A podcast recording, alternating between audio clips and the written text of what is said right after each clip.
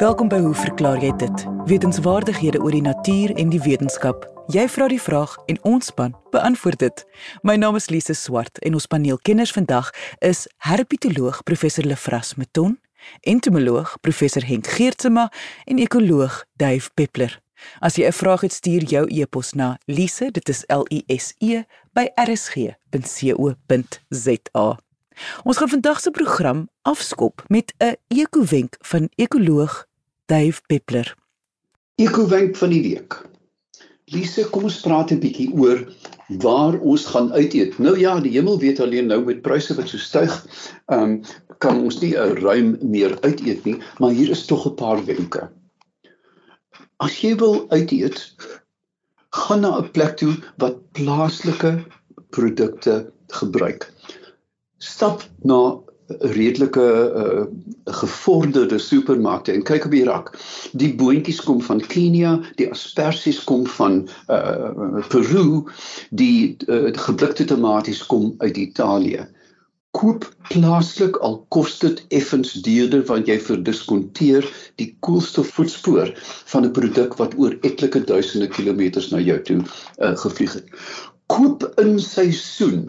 Ek kan nie verstaan dat mense in die middel van die winter wil arbeye eet nie, want die arbeye kom van ver af, soos die Kleroese plaas. Jy weet, dis ingevlieg. Met ander woorde, ons moet uh, ons moet dit vier. Die eerste aardappels van die jaar, die eerste asperges, die eerste wag daarvoor, want dit maak die produk baie baie meer spesiaal. Indien jy dan ook self produkte kweek, Wat van in lê en pekel? As jy oor genoeg suurlemoen het, maak vir jou lekker sout suurlemoen skil of maak vir jou marmelade, maar moenie dat die goed verlore gaan nie.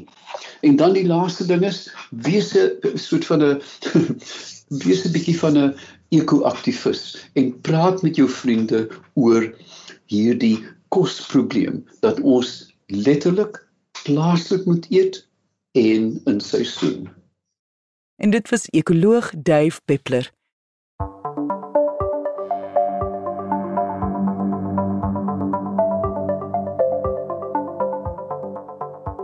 Rina Jacobs van Pretoria het die volgende navraag wat herpetoloog professor Lefras Meton gaan antwoord geskryf. Ons weet dat voëls lewende dinosourusse is. Het die ander dinosourusse ook, soos voëls, op hul eiers gebroei? 'n Mens kan jou kwaliek indink dat sulke massiewe diere op 'n broeisel eier sou kon sit. Was enige van die dinosourusse dalk lewendbarend? Professor Meton? Rina, dit is 'n komplekse vraag want die dinosourusse is 'n baie diverse groep en die enigste bron van inligting is uit die aard van die saak dan nou die fossiele rekord. Verder is die beskerming van eiers deur op hulle te sit aan die een kant en inkubasie van eiers om ontwikkeling van die embrio's aan te help aan die ander kant nie dieselfde ding nie. Laasgenoemde vereis natuurlik 'n konstante liggaamstemperatuur. Maar kom ons begin eers by lewendbarendheid. Tot op hede is geen enkele dinosaurus fossiel gevind met 'n 'n skelet van 'n embrio of skelette dalk uh, binne die moeder nie. So ons lei af dat alle dinosauriërs of dinosourusse eierlêend of ovipar was. Beide die krokodilliërs as voorvaders van dinosourusse en voëls dan as lewende gevorderde dinosourusse vertoon goed ontwikkelde ouersorg. Dit wil sê hulle pas die eiers op of inkubeer die eiers en na die eiers uitgebroei het, pas hulle die kleintjies vir 'n tyd op of maak die kleintjies groot deur hulle te voer. 'n Mens kan dus dan nou met vertroue die afleiding maak dat ouers sorg waarskynlik by alle dinosourusse voorgekom het. Daar is baie fossiel aanduidings dat baie dinosourussoorte by hulle neste gewaak het en 'n geruime tyd na die kleintjies omgesien het nadat hulle uitgebroei het. Daar's ook fossiele bewyse dat sekere Ornithischier dinosourusse hul eiers in 'n holte wat hulle gegrawe het gelê het en die eiers moontlik met verrottende plantmateriaal bedek het om beide hitte en vogtigheid te verskaf. Nou hierdie tegniek word ook deur baie krokodillies en sekere voëls gebruik.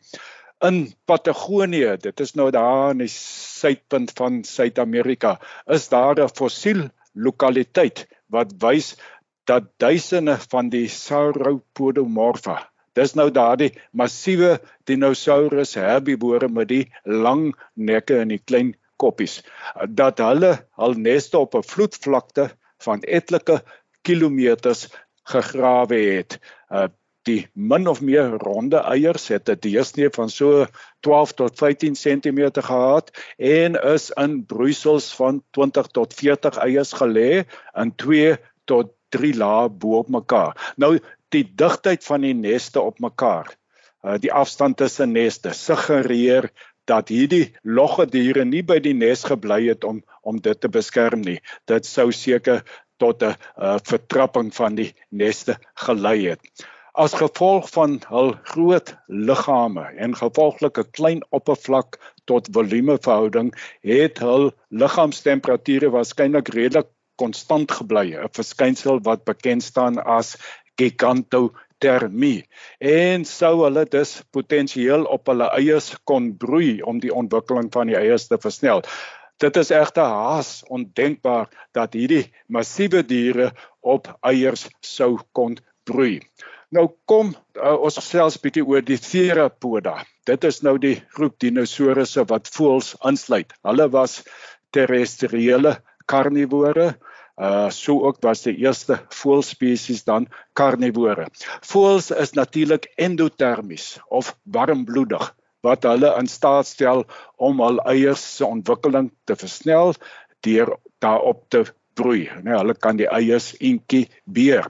Uh endotermie of warmbloedigheid moes dus op een of ander stadium in die theropoda ontwikkel het aan daardie lyn wat tot voels gelei het. Nou endotermie verwys twee eienskappe wat by ektoterme, dis nou die ander diere wat van uitwendige hittebronne soos byvoorbeeld die son afhanklik is en waarvan die liggaamstemperatuur nie konstant gehou word nie. Nou uh hierdie eienskappe as afwesig by ektoterm uh ektoterme, naamlik uh 'n hoë rustende metabooliese tempo om inwendige hitte te produseer en insulasie wat die hitte binne die liggaam moet hou. Om van ektotermie na endotermie uh, oor te kan skakel, moet albei eienskappe teenwoordig wees om 'n konstante temperatuur hoër as omgewingstemperatuur te kan handhaaf. Byvoorbeeld is die primêre insulasielaag natuurlik vere en by soogdiere is dit hare en by beide kan 'n vetlaag onder die vel 'n sekondêre insulasielaag vorm. By voëls dis nou wanneer hulle op die eiers sit, word die vere uitgepof om oor die eiers te vou in 'n vetlaag alleen sonder vere sou die eh, broeiproses minder effektief gemaak het. So by die theropod dinosourusse sou slegs die forme met 'n veerbedekking potensiaal endotermies kon wees mits hulle natuurlik ook 'n hoë metabooliese tempo kon handhaaf. Nou hierdie forme sou dus soos die latere voëls hul eiers kon inkubeer. Net so terloops, daar's ook mos primitiewe soogdiere die monotremata wat nog eier lêend is. Soos ander soogdiere is hulle endotermies en die vraag is gebruik hulle hul konstante hoë liggaamstemperatuur om die eiers se ontwikkeling aan te help? Ja, hulle doen, maar nie deur op die eiers in 'n nes te broei nie. Wanneer die eie gelê word, word dit dadelik na 'n sak op die maag van die wyfie oorgeplaas waarin die eier dan uitbroei. Om die vraag te beantwoord of daar dinosourusse was wat hulle eiers geïnkubeer het, moet ons dus nou gaan kyk na theropod dinosourusse wat vere gehad het of dan enige ander soortgelyke uh, insulasie bedekking op die vel. Daar was inderdaad baie theropoda buite die lyn wat aan voels oorsprong gegee het wat wel vere of protovere van een of ander aard gehad het. Van hol filamente tot donsagtige strukture tot vere met simmetriese skagte. Die vere was aanvanklik vir vertoon en kon op verskillende plekke op die lyf voorgekom het oor die rug op die voorbene of agterbene of albei op die stert of oor die hele liggaam by 'n vorm soos Sinornithosaurus uh, byvoorbeeld het die vere oor die die hele liggaam bedek en sou 'n effektiewe insulasielaag gevorm het. Die eerste stap in die ontwikkeling van endotermie en die vermoë om eiers te inkubeer fossiele bewyse van vir dinosourus of dinosourusse wat op eiers broei is relatief skaars, maar daar's tog gevalle waar 'n volwasse dier bo-op eiers gefossileer het. Waarskynlik was die nes oorval deur sand of modder tydens 'n storm. Nou al hierdie forme waarvan nou fossiele bekend is, behoort tot die familie Oviraptoridae wat geveerd was en redelik na verwant aan vroeë voëls was. Die eiers in die neste was in 'n sirkel gerangskik met 'n oop spasie in die middel. Uh dit is dalk vir ons 'n aanduiding dat die meeste van die gewig van die dier uh, sou daar in daardie middelste oop kol geabsorbeer gewees het. Die forme wat in 'n broeiposisie gevind is, was so volstruisgrootte van so rondom 100 kg sou ek sê. Daar was egter baie groot soorte in die familie, so groot soos 'n moderne renoster, sê so rondom uh, 3000 kg. En 'n mens wonder of hulle ook hul eiers sou kon inkubeer. 'n Net so interessant is halwe 'n studie van suurstofisotope in die gefossileerde eierdoppe en die beendere van die volwasse dier wat nou op die eiers gebroei het, het getoon dat die eiers by 'n temperatuur van rondom 38 grade Celsius geïnkubeer is. So lede van die familie was dit waarskynlik alreeds endotermies. En dit was herpetoloog professor Lefras Meton. Indien jy 'n vraag het, stuur jou e-pos na lise, dit is L I S E by RSG rsg.co.za of deur RSG se webwerf gaan net na www.rsg.co.za.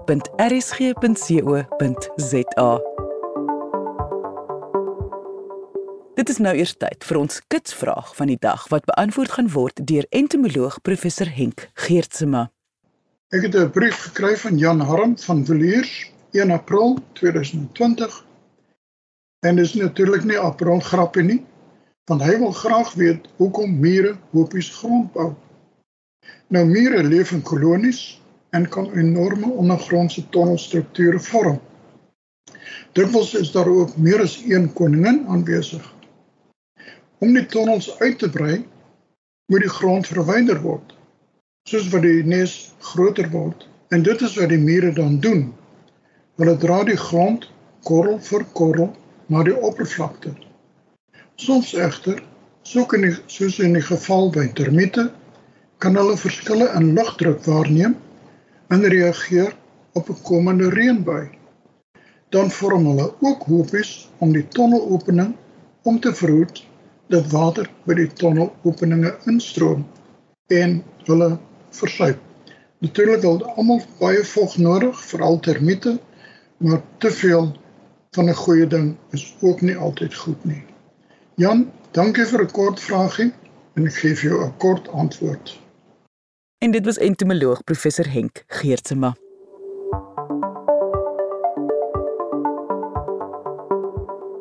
Volgende vra Elise Meyer van Kroonstad 'n vraag en dit word beantwoord deur ekoloog Duif Peppler.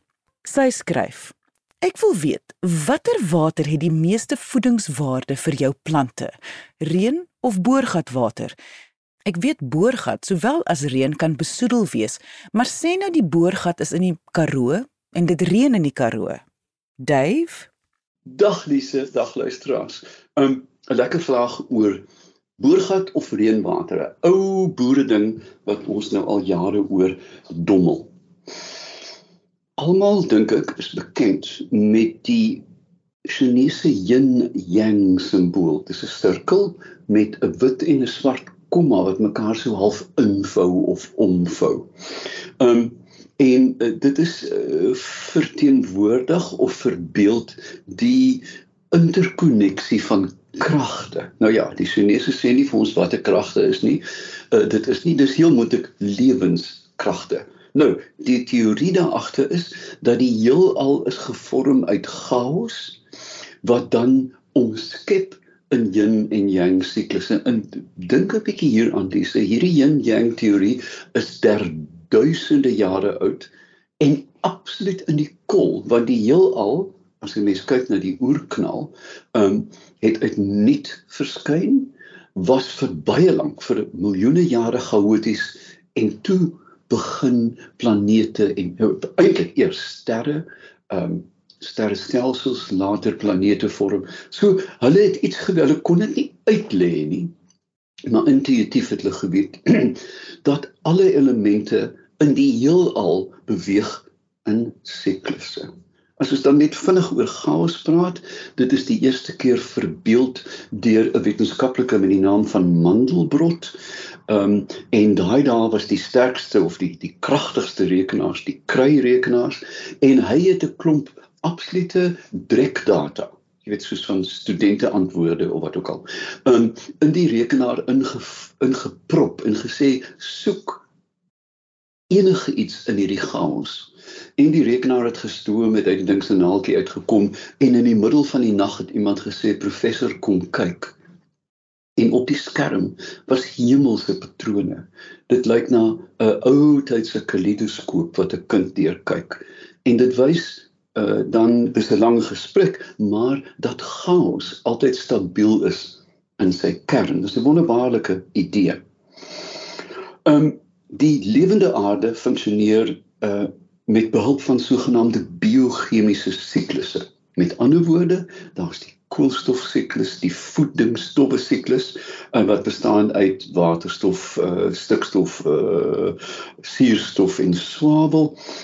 Van hierdie siklusse is water natuurlik die allerbelangrikste. Ons weet dat ons soek na lewe in die buiteste ruim met die voetspoor van water, nie van koolstof nie, water, vloeiende water omdat water ook in 'n siklus beweeg, moet ons 'n bietjie kyk na hierdie uh, siklus. Um of 'n hidrologiese siklus. Um dit is die deurlopende beweging van water op, bo, onder en onder die op oppervlak van die aarde. Met ander woorde, daar is 'n konstante massa volume. Um maar dit wissel tussen ys, varswater, soutwater, atmosferies uh, water en die hele uh, spinnerak van beweging word gedryf deur die klimaat, nie die weer nie, deur klimaat. Ek dink ons moet 'n stadium by Elise kan iemand iets vra oor klimaat dan antwoord ons dit is so interessant.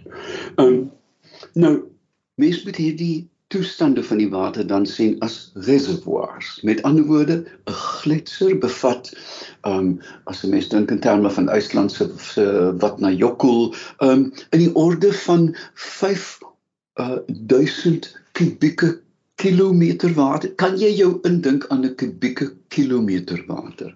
Um met ander woorde, hierdie groot reservoirs is soort van wagkamers van water waar hulle van een vorm van reën na sneeu, van reën na haal, van sneeu na gletser, van gletser wat smelt wat in die rivier loop wat weer see toe gaan. Dis 'n wonderbaarlike ewige siklus. Nou, hierdie prosesse word gedryf deur verdamping, transpirasie, kondensasie, presipitasie, infiltrasie.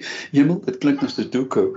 Um en natuurlik afloop, water wat wegloop dan teen 'n helling af en ondergrondse vloei. Jy kan sien ek wil ek wil beide by reën en uh boorgatwater bly.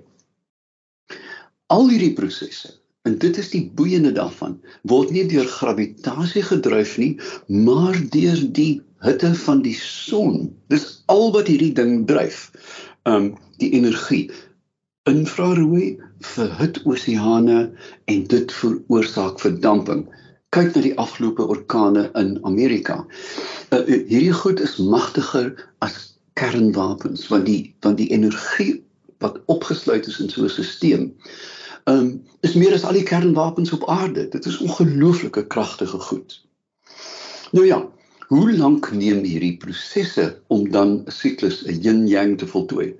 In Antarktika waar die sneeu dan val kompakteer en dan beweeg na die rand van Antarktika en dan afkalwe. Hierdie proses is in die orde van 20000 jaar. Vandat daai sneeuvlokkie val in die middel van Antarktika tot hy weer in die waterland.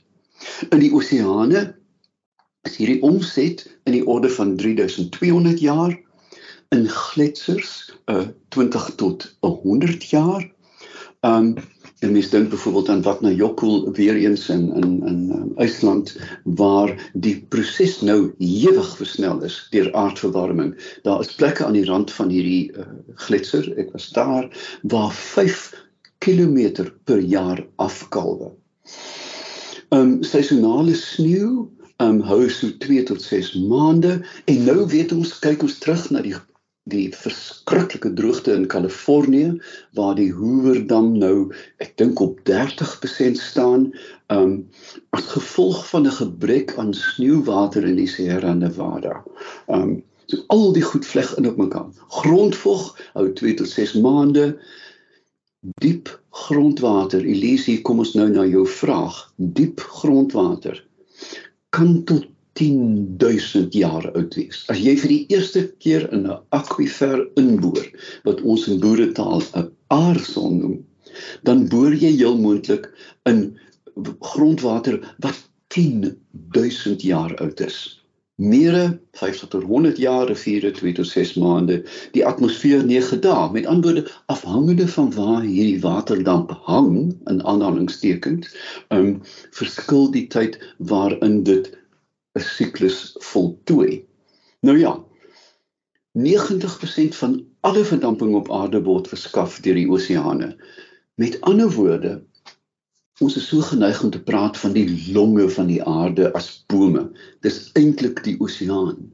Um hier is waar aardverwarming sy beslag kry, want die oseaan word warm met 'n half graad. Dit beteken dat miljarde tonne ys aan beide pole smelt, dat die seevlak verhoog ensovoort. Die hart van die watersiklus bly ons oseane. Nou om by jou vraag uit te kom, dis jammer dit was 'n lang asem aanloop. Alles hang natuurlik af van waar die reën geskep is. Sou jy in Delhi bly in Indië, 'n stad met in die orde van 24 miljoen mense en die mees besoedelde stad op aarde, kan ek jou waarborg dat die reën wat daar val, gaan batterysuur wees, want die reën absorbeer natuurlik uh, elemente in die gasse in die atmosfeer terwyl dit val. En daar kom die term van suurreën, die bekende acid rain vandaan.